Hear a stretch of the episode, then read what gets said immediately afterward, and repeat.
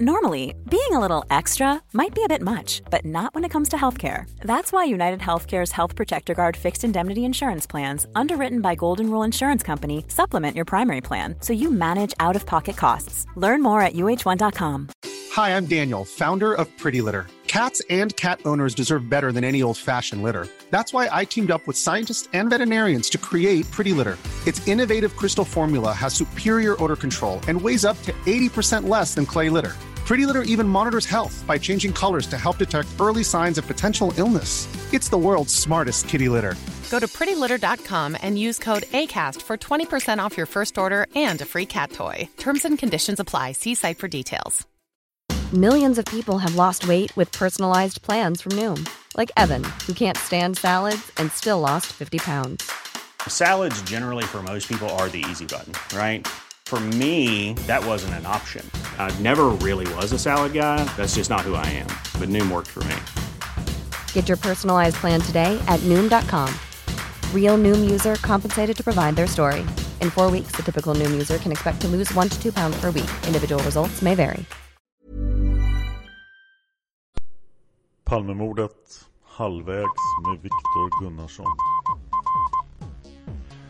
Sveriges statsminister Olof Palme är död. 90 000.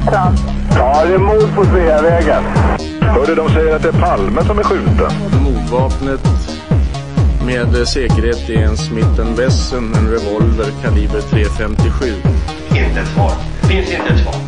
För jag har inget. Och jag har Polisen en man i 35 till 40-årsåldern med mörkt hår och lång mörk rock. Välkomna till podden Palmemordet som idag görs av Dan Hörning samt mig, Tobias Henriksson, på PRS Media. Det här avsnittet görs i samarbete med Nextory. Nextory är en prenumerationstjänst för ljudböcker och e-böcker. Om ni går till nextory.se kampanjkod och skriver in koden PALME så får ni 30 dagars gratis Nextory. Och trots annonsörer så är det ni lyssnare som finansierar den största delen av podden. Om ni vill stötta podden och se till att den finns kvar, gå in på patreon.com palmemordet. Alltså p-a-t-r-e-o-n.com palmemordet. Och donera en summa som podden får per avsnitt. När vi når 500 dollar per avsnitt så är Dan redo att ta sig an polisspåret bland annat med hjälp av Erik Engström. Så patreon.com palmemordet alltså. Om ni tycker att de avsnitt som jag gör är bra och vill uppmuntra till fler, gå gärna in på facebook.com prsmedia.se och be om mina kontaktuppgifter för att swisha ett bidrag. Dagens avsnitt kommer att sammanfatta vad vi vet om Viktor Gunnarsson så här långt. Det kommer att vara ett diskussionsavsnitt så det kommer att bli lite mer spekulation än vanligt. Vi hoppas att ni står ut med det. Vi kommer också att beröra de nya uppgifter som Uppdrag granskning kommit fram till när detta spelas in i mars 2018. Idag har jag med mig Tobias. Hej Tobias! Hej Dan! Trevligt att vara här igen. Ja, nu sitter vi fysiskt i samma rum igen och det är främst på grund av Palmevandringen som vi gjorde igår. Det stämmer bra det. Ja, men nu när jag ändå är här i stan så tänkte jag att det var bra att prata lite om podden. Det stämmer det. Eh, så jag tänkte att vi skulle göra ett avsnitt där vi, ja vi är ungefär halvvägs i Viktor Gunnarsson-avsnitten. Så vi tittar på det vi har gjort och pratar lite om det och sen om eh, det som kommer i framtiden Absolut. i ämnet VG. Så är det.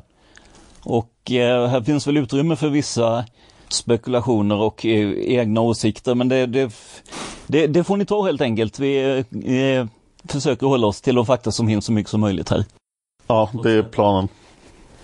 Eh, så vi började med eh, att du åkte till Norge och träffade Anders Leopold. Ja men precis, och det var ju en, en mycket intressant person som eh, var väldigt inne på Viktor Gunnarsson som, eh, som mördare, som den som höll i pistolen helt enkelt. Och eh, har kommit kanske lite kritik mot att det blev lite rörigt och sådär men eh, eh, ja, Anders Leopold har ju väldigt mycket information i huvudet och i, i sina pärmar. Och eh, för honom är det ju lätt att hoppa mellan de här olika spåren. Han var ju inne på bland annat Sydafrika, CIA eh, i kombination med VG då. Ja. Och ehm, Ja, det är väl inte alltid som det blir helt lätt varken för den som intervjuar eller för den som lyssnar att hänga med där men eh, en mycket kunnig karl i alla fall som som sagt har VG som den, eh, den som höll i pistolen. Ja. Eller revolven. Eh, Anders Leopold har uttryckt det här i ett antal böcker. Eh, Svenska träd ska fällas, eh, ja, Han sköt Olof Palme, det är Bingrens bok. Men, Och sen då Jag sköt Olof Palme. Ja men precis. Och den kommer jag använda väldigt mycket som källa i, slutet av de här VG-avsnitten. För gärningsbeskrivningen eh, och för det som händer när Viktor Gunnarsson dör. Ja, precis. För oavsett vad man tror om eh, Viktor Gunnarsson som eh, mördare eller inte mördare så är ju de här böckerna en bra källa om man vill veta mer i alla fall. Och eh, Viktor Gunnarsson är ju en, en oerhört komplex person. Det har vi märkt i alla de här avsnitten. Extremt komplex. Så är det. det vi kan bara köra en snabb sammanfattning då. Han, eh, han föddes och växte upp nere i Blekinge, i mina hemtrakter. Eh, I en, eh, ja, en kristen familj som eh, ägnar mycket av sin lediga tid åt Missionsförbundet. Eh, var väl lite av en särling vad jag förstod redan i, i skoltiden. Eh, pratade mycket, skröt mycket, var väl lite utstött bitvis. Jag vet inte om man kanske tyckte att han gjorde sig lite viktigare än vad han var helt enkelt. Eh, Ja, det är ju, blir uppenbart när man, speciellt när man lyssnar på uh, vittnesförhören. När folk berättar om Viktor och alla konstiga saker han har för sig. Ja absolut och det är ju det efter han kom upp till Stockholm så, så har vi ju ganska bra pejl på honom men eh, det vi inte har så bra pejl på är ju just hur, hur ungdomen var och tiden fram till han flyttade upp och... eh, Och äktenskapet tycker jag. Äktenskapet också. absolut. Inte helt tydligt. Nej, nej. Och det är ju sånt vi hade velat ha koll på men eh, tyvärr så har ju eh, hans familj tackat nej till en intervju där ju och eh, det är väl förmodligen den vägen man kan gå för att hitta någonting lite mer om, om eh, hur Viktor Gunnarsson blev den person som han sedan uppvisar i, i Stockholm. Ja, om någon mot all förmodan skulle haft någon kontakt med, med Viktor innan han kom till Stockholm så skulle det vara intressant att höra från er lyssnare. Han skriver själv i sin bok bland annat om eh, mackägare och vänner och liknande som hade åsikter. Och eh, många av dem måste ju fortfarande vara i livet. Så är det någon som, eh, som har någon mer information om, om Viktor Gunnarssons år i Blekinge och Karlskrona och eh, hans hemort då som vi inte behöver nämna. Så, så eh, hör av er till, till Dan eller mig. Jag skriver ju numera på, på Palmemordets Facebook-sida också så bara lämna ett meddelande där i så fall. Eh, sen gav vi oss på ett narrativ då, det är Viktor Gunnarsson del 1 till 11 i princip i podden, där då fyra delar i vårt enorma förhör. Precis. Men jag tycker, jag är fortfarande rätt nöjd med att vi la in det så pass tidigt för att det känns verkligen som att ja, Viktors attityd i förhöret är högst märklig. Mm, verkligen. Det var som jag sa när vi läste in det här då, eller när vi gestaltade det, att jag aldrig varit med om en person som har så dåligt minne om så mycket på en så viktig dag. Ja, och pratar så mycket. Och pratar så mycket, absolut. Och jag tror inte att någon fick riktigt koll på honom, varken Wingren eller Börje Wingren då, förhörsledaren eller de här Säpo-killarna som var inne vid något tillfälle och liknande. Det, det gick liksom inte att få grepp om honom. Nej, och jag, jag, tycker det var bra att vi började med det förhöret också istället för det förhöret som var innan eftersom Viktor ju förnekar allting som han sa. Absolut, absolut. Men det kanske är dags att göra det förhöret från den 8 mars också. Och det är ju inte Börje som håller i det. Men sen fortsatte berättelsen och vi fortsatte ända fram till att eh, KG Svensson har släppt Viktor Gunnarsson men polisen fortsätter att avlyssna honom och får nya tips. Precis. Eh, och jag kommer att fortsätta narrativet om Viktor då som leder ända fram till hans död. Eh, men först är det dags att hantera alla förhören. Precis. Ska vi prata lite om pärmarna? Ja, vi kan ju göra det. det. Jag kan ju bara ta bakgrunden lite snabbt här. Jag har ju lagt ut det på Facebook-sidan också men eh, när jag intervjuade Anders Leopold så bad jag honom ta med lite material för att jag skulle kunna ta ett foto med, där han satt med någon pärm eller någonting. Och eh, att vi sen skulle kunna ha det som bild på Youtube eller Facebook-sidan och sådär. Eh, till min oförställda glädje så tog han ju med sig allt material han hade i, i Norge där han, eh, där han numera har sitt sommarresidens då, vinterresidenset typ är på Teneriffa förut. Eh, så att han tog med sig två resväskor fulla med allt som allt 15 pärmar tror jag det var. Och gav oss tillåtelse att använda dessa i podden.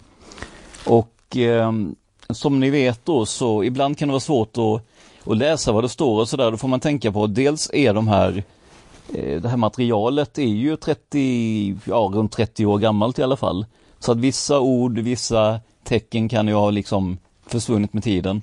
Men framförallt så är det ju det att jag var ju inte beredd på att jag skulle få ta del av allt det här materialet så eh, jag fick helt enkelt fotografera av samtliga dokument med en mobilkamera. Hur lång tid tog det? Eh, två, ja, bra fråga. Jag vill helst inte tänka på det men eh, jag satt ju långt upp på nätterna i alla fall. Jag intervjuade Anders Leopold på, i två dagar då, på kanske en, hade åtta timmars material någonting. Och eh, sen så satt jag ju kvällar och nätter med det här och det jag vet inte, det går säkert att räkna ut på något sätt men det tog ju åtskilliga timmar alltså, som jag satt. Eh, så att jag var väl i säng vid tre, fyra så sov man till sju, åtta någonting kanske. Och sen på igen med intervjuer med nio då. Så det, var, det, blev, det blev hektiskt men det gör ju också att kvaliteten inte alltid är den bästa men däremot så är materialet i sig så spännande så att vi ändå vill ha med det i podden helt enkelt. Och det har ju en del att göra med ursprunget materialet också, att, att Börje Wingren alltså olovligen kopierar det här materialet. Så att du har inte tagit bild av originalhandlingen utan tagit bild av Leopolds kopior av Wingrens kopior antar jag? Ja, jag tror till och med det är så att det är Wingrens kopior som Leopold fick ta över när Wingren gick bort. Så att, eh, men, men visst så är det. Det har blivit kopierat åtskilliga gånger misstänker jag. Eh, och som, som vi har märkt i pärmarna så finns det ju dubbletter och sånt här också av förhör och vittnesmål och allt vad det nu kan vara för någonting så att eh, ja, det, det är lite stökigt att få en ordning på det där, det måste jag säga. Ja, det, är, det märks att pärmarna har samlats ihop i, under stress. Absolut.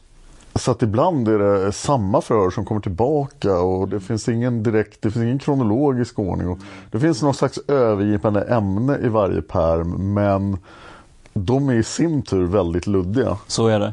Vi märkte ju på maratonförhören där som vi höll, eller maratonförhöret, att det var sidor som kunde saknas som låg senare i permen och därmed också senare i, i bildordning så att säga av det jag fotograferat av och, och sådär. Likadant var det väl någon häktespromemoria nu för lite sedan där det saknades någon sida vill jag minnas. Ja, absolut. Så att ja, visst, det, det, är inte, det är inte helt optimalt men samtidigt så är det material som, som få har fått ta del av av allmänheten. Och har man fått ta del av det så är det ju genom böckerna som skrivits då, som baseras mycket på de här förhören. Eh, och det tycker jag är väldigt spännande att vi faktiskt får chansen att släppa ut material som folk inte har sett tidigare. Absolut. Jag har tyckt det är väldigt, väldigt utmanande att försöka dela in de här förhören i någon slags begripliga avsnitt. Det var ju någorlunda lätt Mon okej okay, alla förhör från Mon biografen Saga, alla förhör från Björn Saga. Men sen har det blivit lite svårare. Så att jag hoppas jag får ja, något sammanhang över avsnitten. Det kanske blir något avsnitt som bara är övriga vittnesförhör. Ja, men det var ju väldigt många som hade saker att säga om Viktor Gunnarsson och som du säger, det är inte lätt att sortera in allting och det märks ju som sagt råmaterialet med att det, det, det har ju ibland sorterats ganska översiktligt så att eh, ja, jag förstår att det kan vara svårt att få, få en riktig ordning på det helt enkelt. Och sen kan man hitta kanske tre förhör med ett vittne och så tänker man okej okay, det, här, det här är spännande, ja, det här kan jag... Men sen helt plötsligt i en annan pärm finns förhör nummer fyra som ändrar hela historien en del. Precis, så, precis. så vad gör man då? Eh, jag vill göra det där vittneslistavsnittet bara för att eh, visa lite grann ungefär hur mycket som är kvar. Absolut. Men eh, det finns en del material som inte direkt har med Viktor att göra heller. Som jag måste fundera på hur vi ska presentera framöver. Absolut. Eh, som jag sa innan, Anders Leopold hade ju en förkärlek för CIA och Sydafrika bland annat och det finns väl lite material där omkring och det finns en del tidningsurklipp om andra spåret sådär också så att eh, det, det finns, finns att hämta ur. Och några saker hör ganska tydligt in i Sydafrika eller CIA-spåret men några är lite luddiga. Till exempel då Ivan von B som ju dyker upp som Viktors kompis här men också är en av de stora sakerna i, i CIA-spåret. Så det får vi se vad vi gör med. Men av, av de här vittnesmålen och förhören du gått igenom här, är, det, är det något du har fastnat för speciellt som liksom har, eh, ja, som har väckt uppmärksamheten mer än något annat? Ja, flera stycken ja. tycker jag. Eh, ja, de, de kommer i podden efterhand. Ja, precis. Så att jag vill inte prata för mycket om dem. Nej, precis. Men maratonförhöret var ju ett sånt som verkligen eh, där det slog mig hur, hur mycket han pratar och hur lite han egentligen säger, Viktor Gunnarsson. Ja. Så att, eh, ja, han är en intressant karaktär det han. Absolut. Och eh, det känns ju som att det även går, det går att betrakta honom som en ensam, en potentiell ensam gärningsman. Men också som en del i någonting större. Absolut, absolut. Och då är ju, då är ju frågan vilken, vill man ha Viktor Gunnarsson i sin organisation och vilken roll ger man honom då? Jag fick ju en bra kommentar på det igår under eh, barhänget vid Palmevandringen där att Viktor Gunnarsson pratar ju så vansinnigt mycket skräp helt enkelt. Så att om han nu skulle råka säga att det var jag som sköt Palme så hade ju ingen trott honom ändå. Nej. Så att han har ju ett, eh, han skapar sig ett alibi genom att vara så pratglad som han är. Det är en tanke i alla fall. Det, det är definitivt en tanke. Ja, ja, precis. Men det, jag måste ju säga att om man har tittat igenom det här spåret så finns det ju saker som, som talar för att Viktor Gunnarsson har något, eh, ett finger med i spelet. Jag har alltid sett på spåret Viktor Gunnarsson som ett ja, tokspår helt enkelt. Ja. Men eh, det finns ju saker som, ja, eh, det här berömda mustaschtricket till exempel som Anders Leopold tar upp. Eh, att han ska ha rakat av sig mustaschen innan mordet. Eh, Lisbeth Palme säger att hon ser en, en ja, ljus överläpp eller liknande då i förhör och eh, rocken stämmer bra in. Eh, det, ja, så det finns ju saker ändå som talar för, för Viktor Gunnarsson. Men Sen är det ju hur man värderar det och hur starkt man tycker att, eh, att de sakerna, hur starka de är de där sakerna egentligen. Men jag kan ju känna att eh, vissa indicier kan ju vara minst lika starka som, som de mot, mot andra potentiella gärningsmän. Det måste jag säga. Ja, det tycker jag har blivit väldigt tydligt för mig att det, det finns definitivt indicier. Mm. Och jag ska försöka sammanfatta allting i, i gärningsbeskrivningen. Den kommer väldigt sent i Viktor-serien. Men jag tycker det finns en ganska Ja, en ganska komplett gärningsbeskrivning i alla fall jämfört med många andra spår. Absolut, absolut. Men alltså du, du har ju gjort ett antal avsnitt nu ju. Och vi har gjort ett antal avsnitt också om Viktor Gunnarsson. Men alltså vilket, är, är det något avsnitt som har varit svårare att göra? För det är ju det är en ofantliga mängder information. Det är väldigt många namn. Eh, och platser och liknande. Är det, är det no någonting som du har liksom kört fast på när du har jobbat med det här? Det svåra är just att få ett, eh, försöka få något slags sammanhang i ett avsnitt. Och, och det svåraste var nog det bulgarernas pistolavsnittet. För att det var så, oh, jag måste ha in alla de här bulgarerna och det de säger. Och, men i vilken ordning. Och... Jo, det är ju, han, han, Victor Gunnarsson hade ju kontakt med en väldig massa människor. Eh, vilket gör att det blir en väldig massa namn. Och eh, väldigt massa kopplingar mellan olika personer. Som ibland kan vara svåra att reda ut. Och, Ja, jag vet inte hur man ska lösa det på något bra sätt. Man skulle haft en relations, relationskarta på något sätt, lägga ut på Facebook eller någonting. Det måste jag fråga dig. Upplevde du att Anders Leopold hade en kopia av adressboken? Ja. Han hade en kopia av Viktor Gunnarssons adressbok? Ja, det, det, har han garanterat. Ja. Men den kom inte över? Den tror jag var kvar på Teneriffa. Ah. Det var till och med så att Anders Leopold bodde från början i Eringsboda som ligger eh, nere i Blekinge. Eh, varför jag tyckte att han var väldigt passande att ha som, som, som gäst så att säga. Sen visade det sig att han hade flyttat upp till Norge vilket inte var lika passande men det... Var i Norge var det någonstans? Eh, I Grimsta heter det, nere i södra Norge. Det är en väldigt vacker liten, eh, vad ska man säga, sommaridyll. Vid svenska gränsen eller neråt mot havet? I stort sett så ner, långt ner mot havet du kan komma. Okay. Så att, eh, men som jag förstod det så hade han ju då, han har jobbat på Kvällsposten nere i Malmö också, så att han har en del grejer i Malmö, en del på Teneriffa, en del i Norge.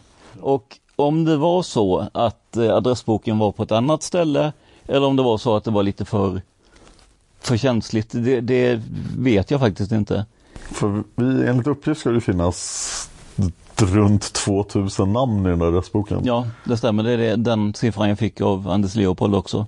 Och Viktor verkar ju bara ha skrivit ner alla telefonnummer han någonsin har fått tag i. Mm, jo men precis, det är lite som någon slags eh, dåtida Facebook. Man har en jäkla massa vänner men inte så många man har någon riktigt tät kontakt med. Nej, men Viktor, eller Anders Leopold kontrollerade en massa andra spår och sådär i adressboken, eller hur? Om folk fanns, mm. när folk nämns i samband med Palmemordet så brukar han kontrollera i adressboken. Det stämmer bra. Han kollar av, om det dyker upp ett nytt namn så kollar han om de finns i Gunnarssons adressbok och det är väl, det är ett bra sätt att, att utreda så att säga. Samtidigt kan jag tycka att det, det, det ger ju en indikation på ett visst tunnelseende för att då vill han ju koppla, oavsett vilken gärningsman eller potentiell gärningsman det är, så vill han ju koppla det till Gunnarsson via adressboken då. Men eh, vad jag förstår så har han inte fått napp där. Eh, det är inget av de namnen som har kommit upp senare i utredningen som, som fanns med i adressboken. Det är bara de kända, det vill säga bulgarerna, Ivan Precis. och eh, den berömde Tommy A. Tommy A var med där också, ja. Den, ja. ja Mm, som kommer kriminell. att spela en central roll i flera saker senare. Precis. Men vad jag förstod så var det alltså ingen, ja till exempel inga av de här berömda polismännen som vi har pratat om eller ja, Christer Pettersson eller någon sådana mer kända spår så att säga som förekom i adressboken. Det var roligt om det hade stått så här, Christer A, Polisman A. Ja, fantastiskt. Christer i Rotebro. Ja, ja, ja, visst. Det var inte en ensam galning, det var två stycken. men det fanns kurder i adressboken men det var fel kurder. Ja, så förstår jag det. Det var inte PKK. Nej. Medlemmarna. Det var, de var inne och sniffade på det i, i det här långa förhöret också ju. De frågade om ett antal PKK-medlemmar och liknande ju. Så att, uh, ja. Ja just det, det var de, därför de på mannen var där överhuvudtaget. Precis. Så de hade väl det spåret, um, ja, i tankarna i alla fall. Men om man tänker då att man är en organisation, en utländsk underrättelsetjänst till exempel, eller en inhemsk motståndsorganisation. Ja. Och så ska man ha med Viktor i den. Mm. Det... det känns ju lite otryggt att Viktor ska springa omkring och prata om det. Ja det gör ju det. Jag, jag får inte heller den bilden att gå ihop. För han pratade ju om precis allting oavsett om det var sant eller inte. Eh, det jag kan tänka mig är väl att han, han har ju bra kontakter. Eller han har många kontakter i alla fall som förmodligen kan vara användbara då. Ja. Och eh, sen kan man väl tänka sig att han, han kan vara ganska bra på att, om man säger förställa sig eller att han kallade sig för Vicky Gunnison, han hade något franskt och spanskt eh, alias och så vidare. Det är väl möjligen den biten men jag skulle ju inte känna mig trygg om, om jag var del av en komplott, alltså ha honom med i, i sällskapet. För det, om det inte hade läckt innan så lär det ju göra det då alltså. Det är frågan hur han gör när han är fokuserad på en uppgift. För vi kan ju se när han är fokuserad på att till exempel förföra någon tjej. Då håller han sig ju ganska konsekvent till en historia och gör det här intrycket han vill göra. Så att det skulle kunna vara så att när Viktor har en uppgift så kommer han att hålla sig till den och sköta sig någorlunda bra och inte prata bredvid mun. Men skulle man sen kunna lita på att han eh, under de sju år efter mordet som han levde faktiskt skulle hålla tyst om vad han hade gjort? Nej men precis. Och vi kommer ju till det men det berättade Anders Leopold om också att eh, han har ju sagt att han har skjutit Sveriges statsminister vid, vid två tillfällen i USA. Och eh, då är det ju frågan, är det bara skitsnack för att han var en del av utredningen eller ligger det någonting i det? Det är, det är väldigt svårt att veta med honom. Är det någonting han säger för att imponera på tjejer? Precis, man kan ju fundera på det. För vi kommer ju se att Viktor fortsätter eh, träffa kvinnor i USA när han är där. Absolut, gifta, ogifta, unga, gamla. Det är, ja, urskillningslöst. Ja, eh, och eh, det kommer ju då kanske leda till hans död också. Det kommer ju vara definitivt en faktor i utredningen runt Viktors frånfälle. Absolut, och det, det återkommer vi ju till senare i, i historien. Men visst är det så, eh, officiellt så, så var det ju ett, ett triangeldrama som gick snett kan man väl säga i, i all korthet. Och att eh, Viktor sköts ihjäl av en rival helt enkelt. Eh, så att det är den, den officiella biten. Sen vad man själv väljer att tro på eller inte tro på, det, det är upp till var och en. Ja, och sen kan man också fråga sig vilken rival? Och det ska vi återkomma till. Absolut, det ska vi göra. Eh, det finns ju i pärmarna då ett antal olika uppslag. Jag vet inte om vi ska, hur mycket vi ska nämna av dem här men det kommer ut ganska långt från Viktor ibland. Och till exempel kommer vi att se kristna i Västergötland.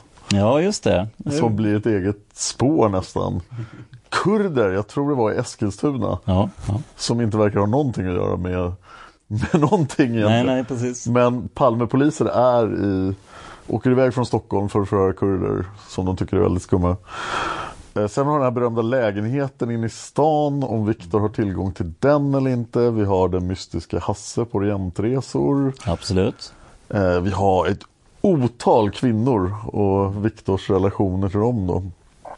Folket i kyrkan, han från Röda Korset. Precis. Så att det finns en del att prata om Verkligen. framöver. Och eh, några av dem har vi nämnt, några av dem kommer vi att nämna. Eh, vi har pratat om eh, Lena A bland annat, känd sångerska som, eh, som jag förstår det var relationen If you're looking for plump lips that last, you need to know about Juvederm lip fillers. With Juvederm Volbella XC and Juvederm Ultra XC, your lip look, whether it's subtle or bold, can last up to one full year with optimal treatment and no additional maintenance. Find a licensed specialist and see if it's right for you at juvederm.com today. That's J U V E D E R M.com. Add fullness to lips in adults over 21 with Juvederm Volbella XC or Juvederm Ultra XC. Do not use if you have severe allergies or a history of severe allergic reactions, or if you're allergic to lidocaine or the proteins used in Juvederm. Tell your doctor if you have a history of scarring or taking medicines that decrease the body's immune response or that can prolong bleeding. Common side effects include injection site redness, swelling, pain, tenderness, firmness, lumps, bumps, bruising, discoloration, or itching. As with all fillers, there's a rare risk of unintentional injection into a blood vessel, which can cause vision abnormalities, blindness, stroke, temporary scabs, or scarring. For full important safety information, visit juvederm.com. If you're looking for plump lips that last, you need to know about Juvederm lip fillers. With Juvederm Volbella XC and Juvederm Ultra XC, your lip look, whether it's subtle or bold, can last up to one full year with optimal treatment and no additional maintenance. Find a licensed specialist and see if it's right for you at juvederm.com today. That's J U V E D E R M.com. Add fullness to lips in adults over 21 with Juvederm Volbella XC or Juvederm Ultra XC. Do not use if you have severe allergies or a history of severe allergic reactions, or if you're allergic to lidocaine or the proteins used in Juvederm. Tell your doctor if you have a history of scarring or taking medicines that decrease the body's immune response or that can prolong bleeding. Common side effects include injection site redness, swelling, pain, tenderness, firmness, lumps, bumps, bruising, discoloration, or itching. As with all fillers, there's a rare risk of unintentional injection into a blood vessel, which can cause vision abnormalities, blindness, stroke, temporary scabs, or scarring. For full important safety information, visit juvederm.com. Burrow's furniture is built for the way you live. From ensuring easy assembly and disassembly to honoring highly requested new colors for their award-winning seating, they always have their customers in mind. Their modular seating is made out of durable materials to last and grow with you. And with Burrow, you always get fast, free shipping. Get up to 60% off during Burrow's Memorial Day sale at burrow.com slash ACAST. That's burrow.com slash ACAST. burrow.com slash ACAST. med Viktor inte speciellt lång, alltså en, en kärleksrelation, men däremot så höll de ju kontakten under en, en, en längre tid, om jag har förstått det rätt. Har du någon? Ja, det, någon koll på det är precis det intryck jag har fått. Absolut. Eh, hon har ju också blivit tillfrågad om eh, en intervju. Hon eh, bodde vid tillfället jag frågade henne i USA, men det finns ju Skype och det finns telefon och liknande. Men eh, hon, jag fick inget svar där utan hon tycker väl att hon har pratat färdigt om det misstänker jag. Ja, det kan jag tänka mig. Jag tror ju att många som har haft med Viktor att göra förbannar att de hade det faktiskt med tanke på att det fortfarande är folk som, som söker dem eh, 32 år senare. Jag får en, en eh, annan förståelse för Anna Hage, även om hon inte har i det här spåret att göra, men just det här att känna sig jagad av, eh, av press, av privatspanare, av, eh, ja säkert av Palmeutredare också. Eh, Absolut. Och då har ju Viktor Gunnarssons eh, vänner och bekanta har ju blivit indragna i det oförskyllt. De har ju inte själv någonting med, med saken att göra. Nej. Så att jag tror nog många kan känna sig lite, lite irriterade över dagen de mötte Viktor. Ja, att det ska komma tillbaka och, och stressa dem 32 Ja, precis. år efteråt. Kommer bita dem i nacken igen ja. För Det är ju intressant hur att, det, att folk inte ger sig eller vad man ska säga. Alltså, nu, jag har inte bättre själv, vi har sökt både Anna Hage som sagt och eh, eh, Lena A och eh, familjen då till Viktor Gunnarsson men det finns, en, en, det finns ju uppenbarligen en, en fascination fortfarande för det som hände kring Palmemordet och runt spåret Viktor G då ju. Ja, och även om man är helt ointresserad av Viktor Gunnarsson som gärningsman och avför honom så tycker jag ändå de här förhören är intressanta för att det visar vad faktiskt Palmeutredningen sysslade med i ett otroligt tidigt kritiskt skede. Här är ju ingen som springer och jagar kurder, förutom i Eskilstuna. Men utan det här, det här är vad folk lägger tid på Eh, under de första kritiska veckorna. Absolut. Eh, det blir ju som en, en, en verkligen som du säger en inblick i hur de, i hur de jobbade och eh, ja, jag vet inte, så här med facit i hand någorlunda så tror jag man la krutet på, på fel ställe eller i alla fall att man gick in väldigt djupt för just eh, Viktor Gunnarsson, framförallt då vår käre Börje Wingren som, eh, som ju alltid varit övertygad om att Gunnarsson är den, den skyldige.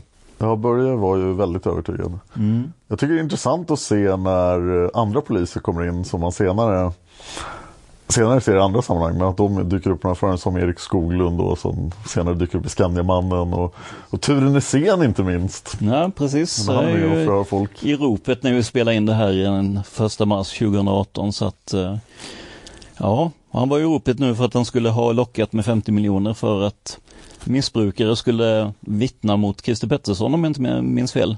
Just det, du kanske kan nämna lite om Uppdrag granskning som precis eh, gick sex avsnitt inför 32-årsdagen.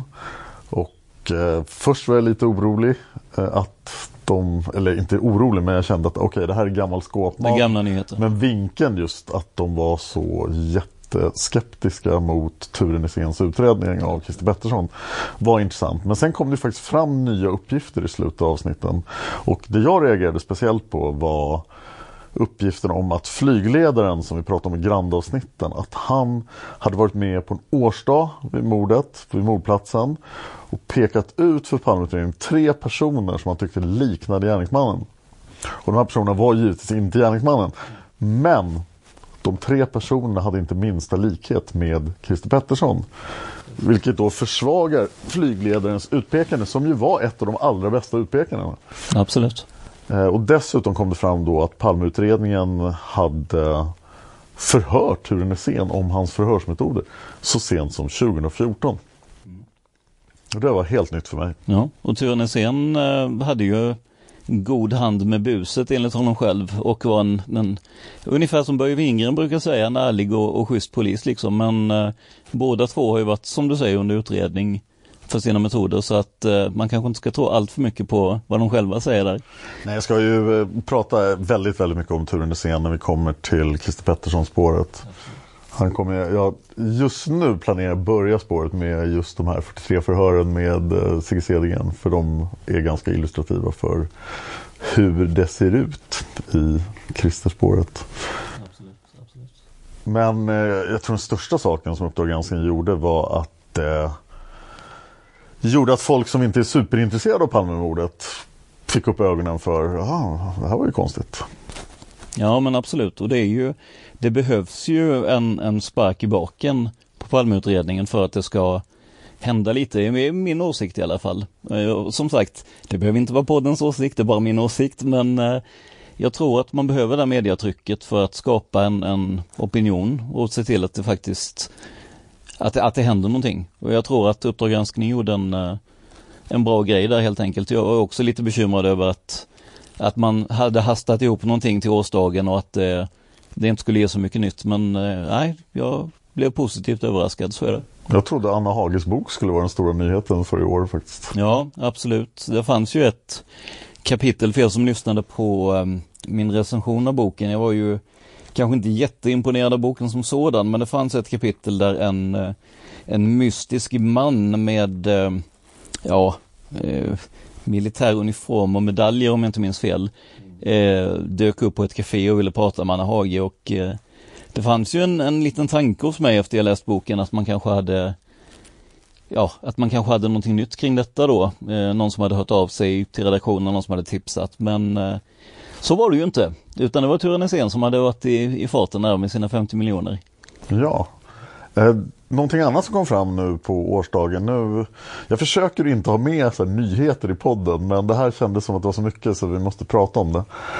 Eh, just för att man vet inte vad nyheterna är värda så att det är bättre att vänta och se vad som faller ut av dem. Men att eh, förhörs, vad säger förundersökningsledaren eh, Christer Petersson, åklagaren har gjort en del uttalanden nu som var anmärkningsvärda tycker jag. Dels att han fullständigt inte ägnar, han och Palmegruppen ägnar ingen tid alls åt att utreda Christer Pettersson längre. Det är helt ointressant mm. för dem. Men att de har massor att göra, de följer en massa spår och att han, Christer Petersson har sagt att han tror att Palmemordet kommer att lösas mm. inom ett till två år. Det är ju fantastiskt i så fall. Om man skulle nå vägs ände på det positiva sättet. Att man äntligen fick någon form av lösning på det. Sen eh, är det ju frågan om det är en lösning som alla kommer att tro på och acceptera men om man i alla fall kunde få någon form av avslut så hade det varit fantastiskt och eh, om en förundersökningsledare eller går ut och säger det så får man ju får man ju hoppas att det finns substans i det. Ja, det för ju mina tankar till det berömda uttalandet från 1994 när Palmemordet skulle vara löst inom sex månader. Ja, men precis. Och det, enligt min uppfattning hade det att göra då med ett eh, falskt vittne med, med Alf L då, som vi har pratat om i misstänkta vittnen. Eh, får jag hoppas att det är någonting bättre den här gången. Absolut, absolut. Om jag ska spekulera helt vilt så har jag ju tänkt på det här med Kege och Barlings ryska knarkspår mm. som jag har tagit upp väldigt lite i podden. Mm. Men det kom ju fram då ganska nyligen. Och sen skulle Dag Andersson och Palmegruppen uttalar sånt. Men Dag Andersson gick i pension och vi har inte hört någonting. Nej, precis. Det är ett och spår som... Och så kommer det här. Ja. Precis. Nej, det, det, det är ju någonting som, som man är väldigt nyfiken på, det måste jag säga.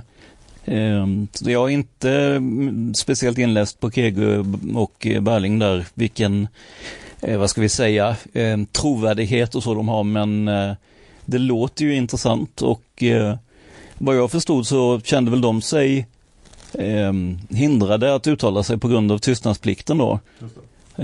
Så vi får väl se om man på något sätt kan, ja, om det kan komma fram någonting där. Deras uppgift, det de sa var att de var bundna av tystnadsplikt och därför har de varit tysta deras år. Men nu hade den tystnadsplikten, var de inte bundna av den längre så nu kunde de, eh, kunde de prata om det. Jag tror många privatspanare kanske betraktar det hela med misstänksamhet och på grund av att Kego och Barling var ju oerhört involverade i PKK-spåret. Precis. Tillsammans med Hans Holmér och senare Ebbe Carlsson. Ja, det är intressant att det fortfarande dyker upp saker efter så lång tid, det är det. Men eh, det enda vi kan säga med säkerhet är att Viktor Gunnarsson kommer ju aldrig dyka upp i de här spåren igen. Han är ju det, det, det tror jag nog att eh, det spåret lika väl som personen är död och begraven.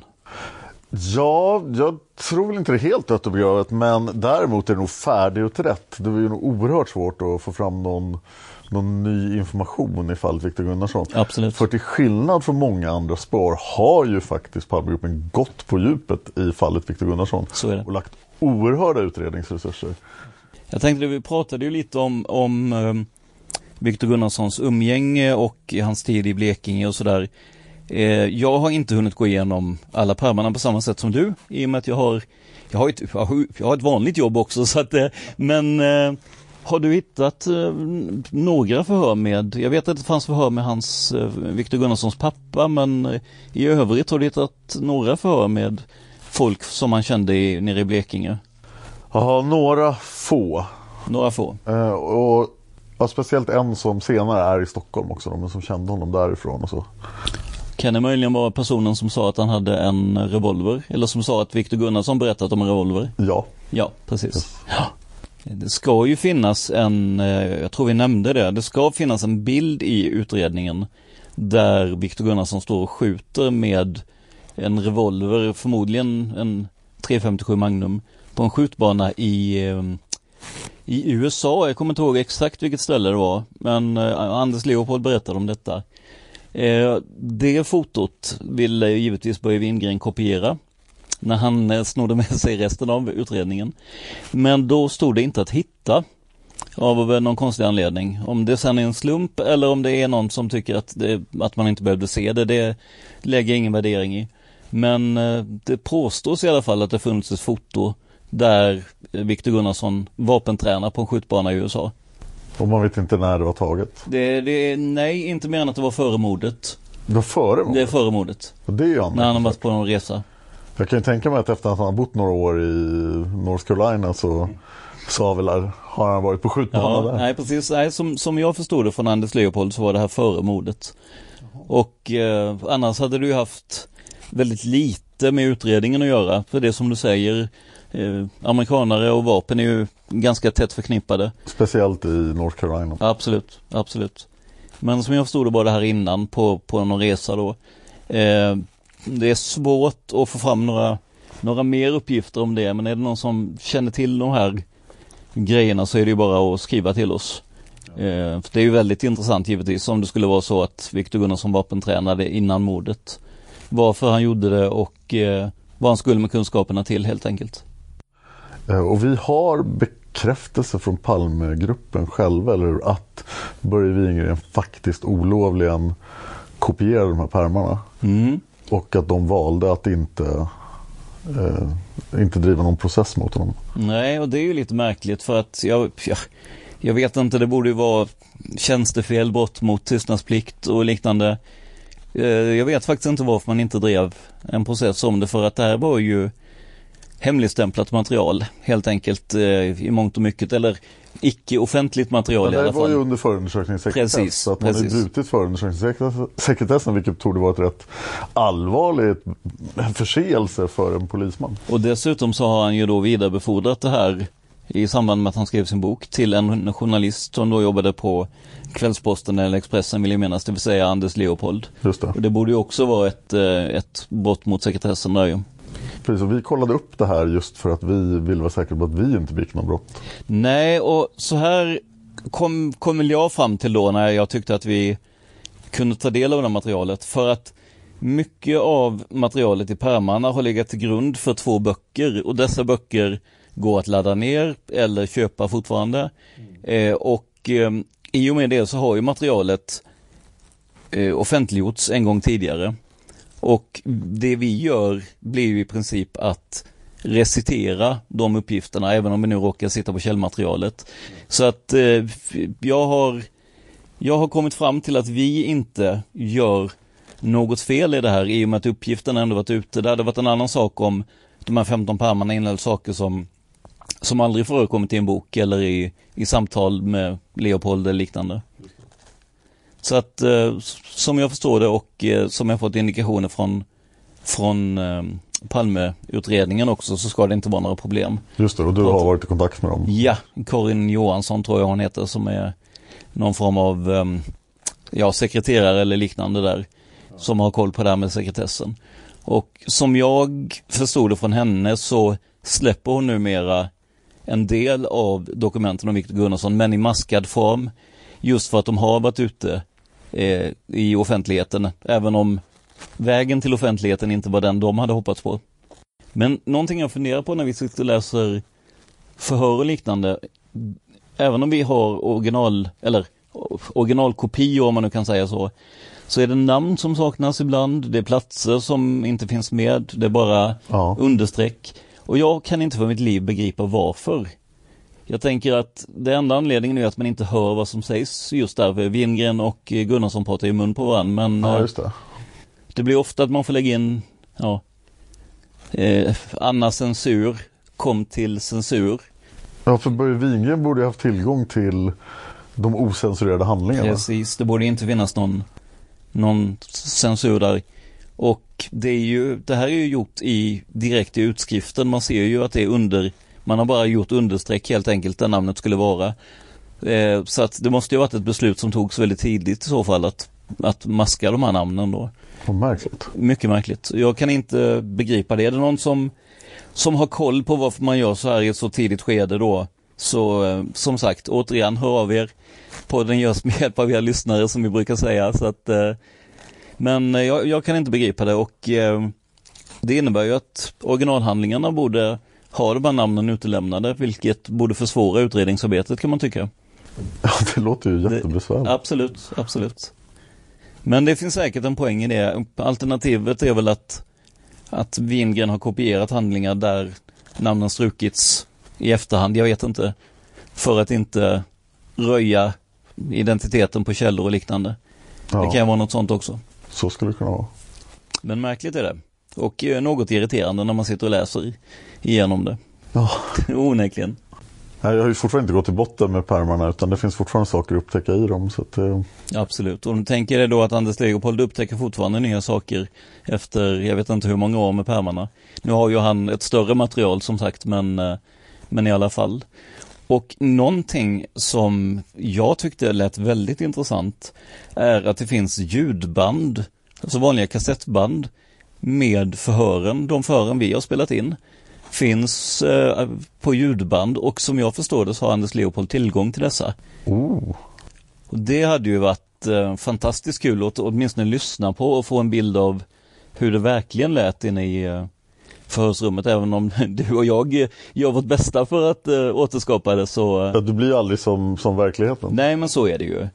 Eh, sen är det väl oklart då eh, vilka etiska och eh, lagliga regler som gäller för att, för att spela upp sånt här i poddar och liknande. Men eh, det ska i alla fall finnas så vitt jag förstod från Anders Leopold. Det låter ju märkligt för då skulle Börje haft tid att kopiera de här banden också. Mm. Det, det låter märkligt, jag håller Och med. det tar ju tid. Det tar tid. Jag vet inte, möjligen att man tog det som, som ansågs viktigast. Jag vet inte i vilken, alltså det är ju inte alla Ja. förhör givetvis, så det är inte hela monsterförhöret eller maratonförhöret, det kan jag inte tänka mig, men eh, det hade ju varit kul att höra hans röst. Eh, han, ja, från början så, så pratade han ju ganska likt hur jag pratar, någon form av Blekinge-dialekt. Och sen när han kom upp till Stockholm så försökte han prata rikssvenska eller stockholmska, gärna med lite amerikansk brytning och sådär. Men det hade varit väldigt kul att höra honom i en, i en så avklädd situation så att säga som en, ett förhör. Men vi har ju väldigt få smakprov på Viktors röst egentligen. Det fanns ett klipp, jag kommer inte ihåg var jag hörde det nu, men eh, där han medverkade i Radio Stockholm hette det väl på den tiden. Och pratade om att han var oskyldig och att eh, han, det pågår en, ja, en häx, häxprocess mot honom mer eller mindre då. Det är där jag, jag hade ingenting med saken att göra. Mm, ja men precis. Och där har man ju liksom Jag har försökt få tag på hela klippet, jag har hört bara en, en kort del av det i en dokumentär eller liknande men eh, jag har inte fått svar. Eh, tyvärr är det så att ehm, ofta när man hör med folk om de kan hjälpa en att få ut klipp eller om de vill ställa upp på intervjuer så blir det inget svar. Eh, och eh, jag hade kunnat ta ett, ett nej på ett helt annat sätt. Då vet man att de inte är intresserade. Men eh, ja, nej det är lite besvärligt. Ja, det kan jag tänka mig. Är det någonting annat vi borde prata om när vi sitter här och vi inte har 60 mil mellan oss? Mm, ingenting som jag kommer på så mer än att det blir givetvis intressant att följa resten av Viktor Gunnarssons liv och senare död. Eh, för att det var ju en person som det alltid hände saker och ting kring, minst sagt, och det kommer ni märka också i senare avsnitt. Ja, vi ska även ta och titta på eh, Börje Wingren och anklagelserna mot honom då och följa, följa det lite grann. Vi ska Absolut. titta på Ja, vad händer när Viktor Gunnarsson eh, får eh, tag på en penna? Kommer att titta på eh, massor av brev som anses vara skrivna av Viktor Gunnarsson. Och sen har vi ju Viktors eh, dokument som blev refuserat, det berömda manifestet där Viktor uttrycker sina innersta tankar till förlagens förskräckelse så att de fick fixa fram en spökskrivare som faktiskt kunde skriva en bok om Ja, det stämmer. Det, det, hans egna bok är skriven med en professionell författare. Ja, just för att få lite struktur i det. Jag och Palmemordet som vi har citerat flera gånger. Det stämmer. Eh, Men det finns då råtext skriven av Viktor själv som jag, jag tror är tillräckligt intressant för att ägna ett avsnitt åt i alla fall. Absolut. Och om jag inte minns fel i hastigheten så ska den finnas på leopoldreport.com som är Anders Leopolds hemsida om Palmemordet. Ja, Leopold Report är en eh, sida med mycket information på och det är värt att gräva runt där lite för man hittar ja, mycket saker där. Absolut. Eh, vi får ju betänka att även om Anders Leopold eh, nu är väldigt inkörd på Viktor Gunnarsson-spåret så jobbade han ju som journalist med väldigt bred eh, inställning till Palmemordet och det är ju inte bara Viktor Gunnarssons eh, eh, liv och levande som det står om där utan om en hel del annat också. Låt inte avskräckas av den något, eh, vad ska vi kalla det, något ålderdomliga layouten eh, utan eh, texten som finns där är faktiskt väldigt vettig måste jag säga. Jag har ju använt den sidan som källa för flera saker, bland annat för Israel Mellanöstern-avsnitten var den med. Så, och det kommer jag göra igen. Den kommer att vara väldigt intressant när vi kommer till Sydafrika och CIA. Men då tycker jag vi kör en utmaning till lyssnarna här då. Att om ni hittar manifestet, den som först klarar av att läsa igenom hela manifestet utan att ge upp, tycker jag är värd ett extra omnämnande i podden, för det är ett vansinnigt rörigt dokument. Det är ganska rörigt ja. Ja, och med många hopp mellan både i tid och rum så att säga. eh, Och eh, allting från, ehm, ja som du säger, hans innersta känslor till vad han gjorde eller inte gjorde runt mordtillfället. Jag fick dela upp eh, den där läsningen på ett antal dagar för att få någon, någon struktur i det överhuvudtaget. Ja, jag vill gärna eh, att ni, om ni tittar i manifestet, så i Youtube-kommentarerna till det här avsnittet, så lämna sidreferens och ett kort, ert favoritcitat helt enkelt från Viktor Gunnarssons manifest. Vad, vad är det, det intressantaste citatet ni kan hitta i manifestet och vilken sida är det på? Mycket bra idé. Mycket Ja. bra idé. Och eh, jag sitter för närvarande och gör research om eh, det vi pratade om just Börje Wingrens upprättelse då. Han eh, blev ju ganska hårt åtgången av vissa tidningar och av eh, bröderna Putiainen inuti labyrinten. Ja. Och eh, förhoppningsvis ska det leda fram till att vi kan eh, köra ut ett avsnitt om det också för att eh, Wingren eh, var kanske inte Guds gåva till polisutredningar alla gånger men eh, eh, han har fått eh, Ja, han har fått väldigt mycket skit. Och en del av det kommer visa sig är både olagligt och oförtjänt. Så att eh, det kan bli spännande också. Ja, det ser jag fram emot. Ja, tack för att du har eh, vågat dig hit till huvudstaden. Ja, tack själv. Nästa vecka är podden Palmemordet tillbaka med ett vanligt avsnitt. Palmemordet finns på facebook.com palmemordet samt på Youtube. Bara sök på Palmemordet. Det här avsnittet gjordes av Dan Hörning och mig, Tobias Henriksson på PRS Media. För mer information om mig och företaget, gå in på facebook.com prsmedia.se. Man hittar Palmes mördare om man följer PKK-spåret till botten. Därför att ända sedan Julius Caesars tid har det aldrig hört talas om ett mord på en framstående politiker som inte haft politiska skäl. Polisens och åklagarens teori var att han ensam hade skjutit Olof Palme. Och det ledde också till rättegång. Men han frikändes i hovrätten.